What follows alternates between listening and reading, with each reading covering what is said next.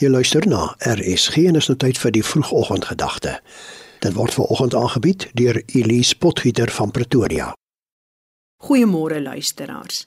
Efesiërs 3:19 lees: Mag julle God se liefde ken, liefde wat ons verstand te bowe gaan en mag julle heeltemal vervul word met die volheid van God. Daar is 'n storie wat vertel word van 'n jong man wat eendag vir Sokrates gevra het wat die geheim vir sy sukses was.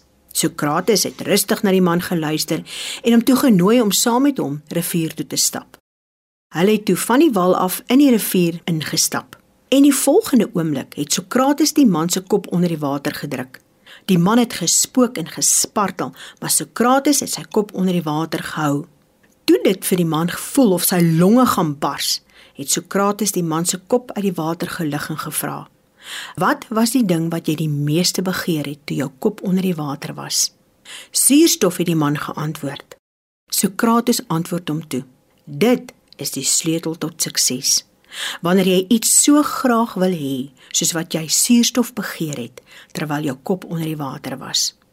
Hoe groot is ons begeerte om God ons Vader te aanbid?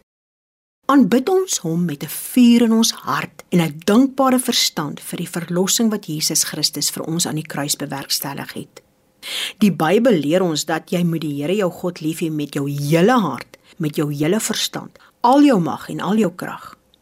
As ons hierdie gedeelte bestudeer, dan besef ons dat ons 'n begeerte vir God moet hê, dieselfde as wat die jong man gehad het toe hy net een ding begeer het en dit was suurstof. Hierdie begeerte na God, na die lewensbelangrike suurstof wat in ons geval God ons Vader en Jesus Christus ons verlosser is, is so belangrik dat ons nie kan lewe sonder God as ons Vader en Jesus Christus as ons verlosser nie. Jesus vermaan ons in Matteus. Hy sê jy moet die Here jou God lief hê met jou hele hart en met jou siel, met jou hele verstand en al jou mag en al jou krag. Dit is 'n liefde wat alles oorheers. Wat gebeur as ons nie 'n alles oorheersende, verterende liefde vir God het nie?